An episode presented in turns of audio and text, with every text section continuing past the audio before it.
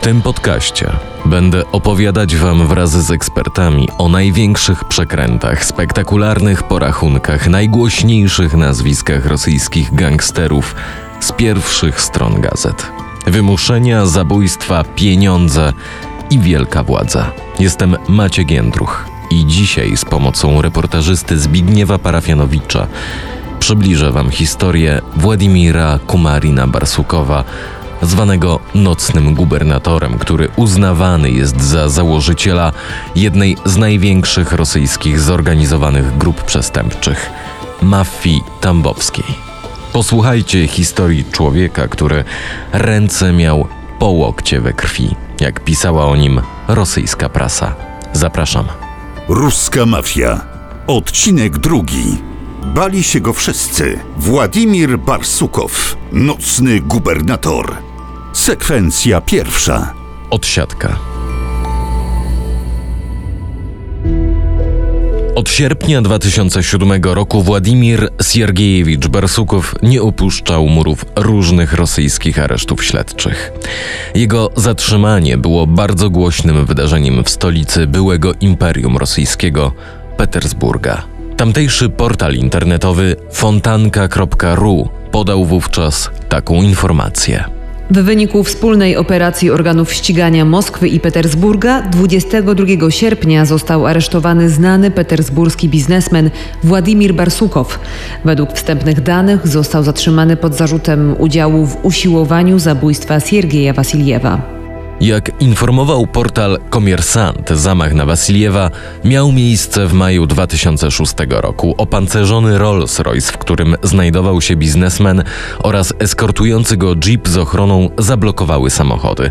W tym momencie dwóch strzelców otworzyło ogień. Wasiliew przeżył, kierowca nie. W związku z tym Komitet Śledczy Federacji Rosyjskiej wszczął sprawę karną i oskarżył Władimira Barsukowa, uważając go za inicjatora tej zbrodni.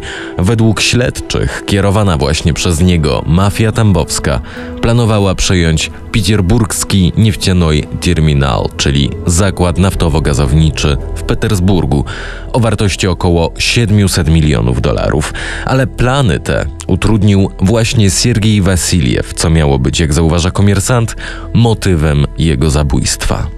W tym czasie wobec Barsukowa rozpoczęto śledztwa w innych sprawach.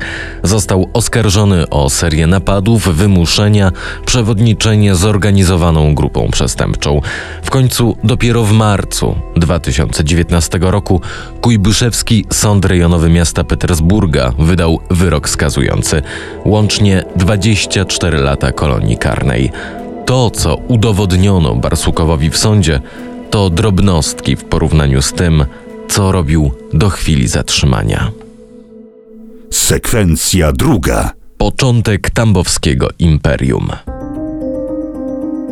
W latach 90. w Petersburgu, jak i całej Rosji, zaczęły rozwijać się grupy, które później wyewoluowały w ogromne organizacje przestępcze.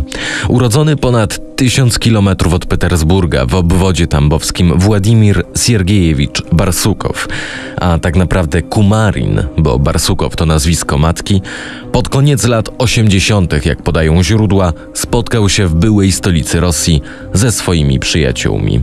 Opowiedział mi o tym reportażysta, autor wielu tekstów poświęconych rosyjskiej mafii, Zbigniew Parafianowicz. Z Tambowa do miasta nad Newą przyjechał Kumarin i wraz z dwoma przyjaciółmi założył po prostu grupę przestępczą, która zajmowała się jakimiś prostymi wymuszeniami, przejęciami majątku, w jakąś płatną ochroną. Takie no, dość prymitywne formy przestępczości, które gdzieś tam z czasem zaczęły ewoluować.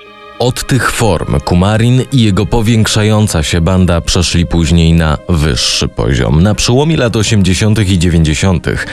Petersburgu działało kilka grup przestępczych. Nawiązywali sojusze albo zabijali się nawzajem, walcząc o wpływy. W tym czasie podejście Kumarina i jego grupy do czarnych interesów zaczęło się zmieniać.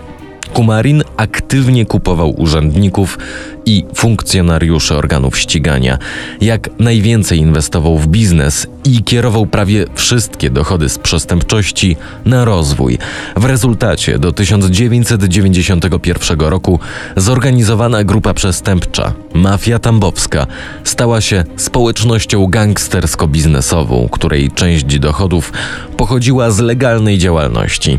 Zbigniew Parafianowicz zaznaczył jednak, co było kluczowe w tym biznesie. Ważny moment to jest nawiązanie kontaktów e, z Radą Miejską Petersburga. Wówczas Petersburgiem rządził Sobczak, czyli protektor i taki kurator kariery przyszłego prezydenta e, Rosji Władimira Putina. I tutaj Władimir Putin e, jest takim początkiem rozwinięcia skrzydeł przez grupę tambowską. Wiele spółek kontrolował miejskich, które były źródłem dochodu. Można budować w ten sposób klientelizm. Jeżeli ktoś jest e, lojalny wobec takiego urzędnika i współpracuje z nim, może liczyć na instantne kontrakty miejskie. I dokładnie tak samo było w przypadku Kumarina. No, on w pewnym momencie z takiego prostego, e, nazwijmy to umownie, dziada kryminała, zamienił się w kogoś, kogo można określić mianem takiego szemranego, półlegalnego biznesmena. Sekwencja trzecia. Lewy biznes. Czy Władimir Putin znał dobrze petersburskich gangsterów? W latach 90. pracował w petersburskim merostwie. W wywiadzie dla Radia Swoboda pisarz i dziennikarz Andrii Konstantinow wspomniał, że co prawda nie wie, jak blisko byli ze sobą Kumarin i Putin, ale późniejszy prezydent Rosji znał wiele wpływowych osób w mieście, a do takich Kumarina bez wątpienia można było zaliczyć. Podobnym tonie odpowiedział mi na to pytanie Zbigniew Parafianowicz. Trudno powiedzieć, jak wyglądały przepływy finansowe pomiędzy Kumarinem a Putinem, no ale taka osoba jak Kumarin w pewnym momencie stała się kluczowa dla miasta. To jest ten taki sprawdzony model, e, że na masową skalę ktoś ma dostęp do państwowych pieniędzy, e, oferuje jakąś usługę, no a, a otrzymuje po prostu stałe źródło dochodu, a potem przeznacza jakiś procent z tego dochodu na, na, na to, żeby zapłacić taki podatek na rzecz właśnie tego patrona swojego. Krystyna Kurcza-Bredlich w monografii poświęconej prezydentowi Federacji Rosyjskiej Wowa Wołodia Władimir Tajemnice Rosji Putina napisała tak. I jako zastępca mera Petersburga, i jako wysoki urzędnik na Kremlu, i jako szef FSB, i jako pełniący obowiązki prezydenta przed pierwszymi wyborami, Władimir Putin był członkiem i konsultantem spółki ściśle związanej ze światową siecią karteli narkotykowych. O co chodzi? W 1992 roku w Niemczech utworzona została firma SPAG.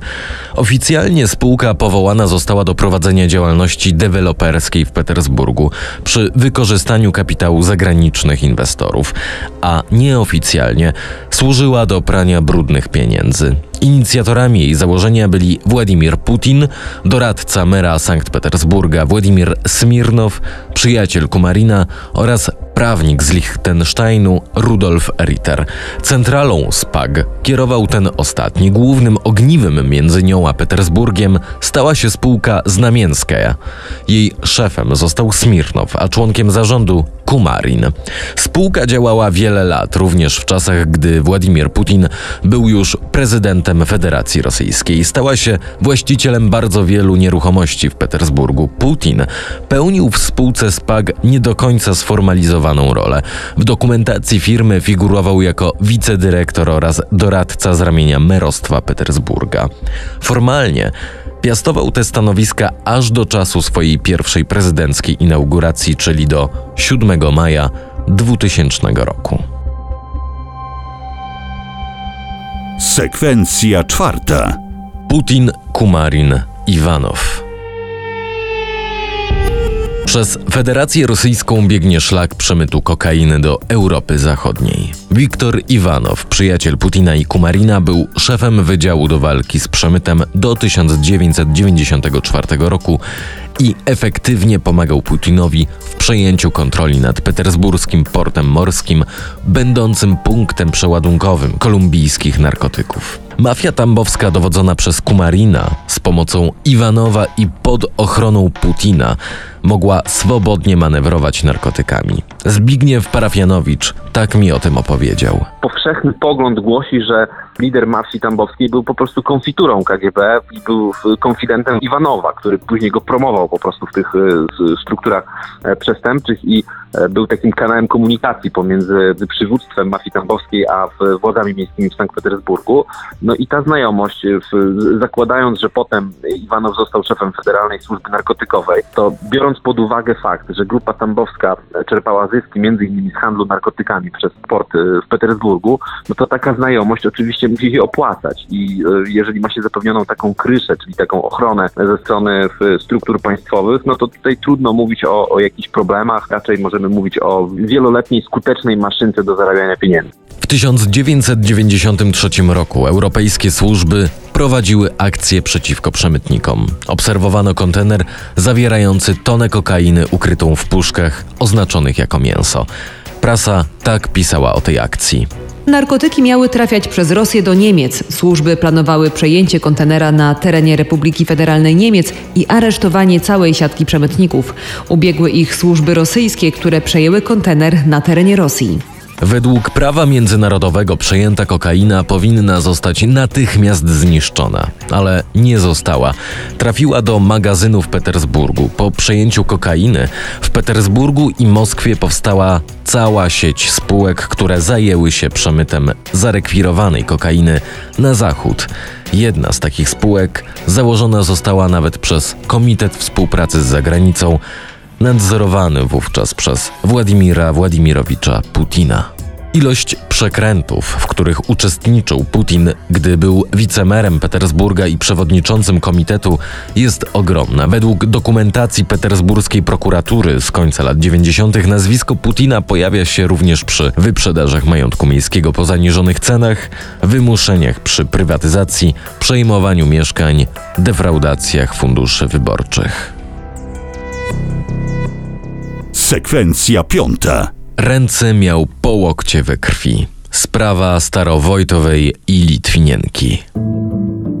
Otruty w 2006 roku w Londynie słynną herbatą z polonem Aleksander Litwinienko po tym, gdy uciekł do Wielkiej Brytanii po jawnym oskarżeniu Władimira Putina o przestępstwa i machloje współpracował z MI6, wywiadem hiszpańskim i tamtejszą prokuraturą. Miał przekazywać informacje o rosyjskiej mafii, w tym tambowskiej i działalności Kumarina Barsukowa oraz o powiązaniach z władzami Federacji Rosyjskiej i nie tylko. Czym jeszcze zawinił Litwinienko? Spytałem eksperta. Litwinienko jest uznawany za osobę, która przekazała śledczym hiszpańskim znaczną liczbę informacji na temat schematów prania brudnych pieniędzy przez e, struktury przestępcze Petersburga, już wtedy tak naprawdę dominującą w Petersburgu e, grupę tambowską. E, I, i, i to, jest wierzchołek góry lodowej, jeśli chodzi o osoby, które w, zgi- zginęły na polecenie w, liderów grupy tambowskiej. Litwinienko zmarł w Londynie z powodu ostrej niewydolności serca. Jego ciało przez długi czas nie było otwierane z powodu obaw przed narażeniem personelu medycznego na promieniowanie. Kumarin Barsukow był, jak pisały media, zamieszany także w śmierć Galiny Starowojtowej, deputowanej do Dumy Państwowej. szczególnie lata 90. No to jest czas, kiedy nikt nie był dżentelmenem w, w strukturach przestępczych e, rosyjskich. Zresztą nazwiska, które są wiązane z Kumarinem, to jest Litwinienko Starowojtowa, czyli osoby, które e, w, w jakimś stopniu szkodziły interesom e, tego wora w zakonie. Jak szkodziła mafii tambowskiej Galina Starowojtowa? Jak podawał telekanał Dość, była po prostu silną kobietą, doradczynią prezydenta Jelcyna, była brana pod uwagę jako kandydatka na stanowisko ministra obrony, a nawet jako kandydatka na prezydenta Federacji Rosyjskiej. Dzień po tym, kiedy Galina Starowojtowa wróciła z Moskwy do Petersburga, w prasie pojawiła się taka informacja. Wieczorem 20 listopada 1998 roku o godzinie 22.35 Starowojtowa została zabita w Petersburgu przy wejściu do swojego domu. Zmarła na miejscu w wyniku obrażeń po dwóch ranach postrzałowych. Dopiero w 2005 roku sąd skazał zabójców. Jeden z nich, będąc już w kolonii karnej w 2013 roku, wskazał na Michaiła Gusienkę jako organizatora morderstwa Starowojtowej. Śledztwo zostało wznowione. W kwietniu 2014 roku Glusienko, były deputowany Dumy Państwowej, przyznał się do winy. Zeznał też, że zleceniodawcą zabójstwa był petersburski przedsiębiorca Władimir Kumarin Barsukow, nocny gubernator. W następnym odcinku. Costa del Sol, najbogatsza część hiszpańskiego wybrzeża, powoli zamienia się w małą Rosję. Tak zwany Złoty Trójkąt już od kilku lat jest opanowany przez rosyjską mafię. O tym opowiem Wam w przyszłym tygodniu w ruskiej mafii. Zapraszam.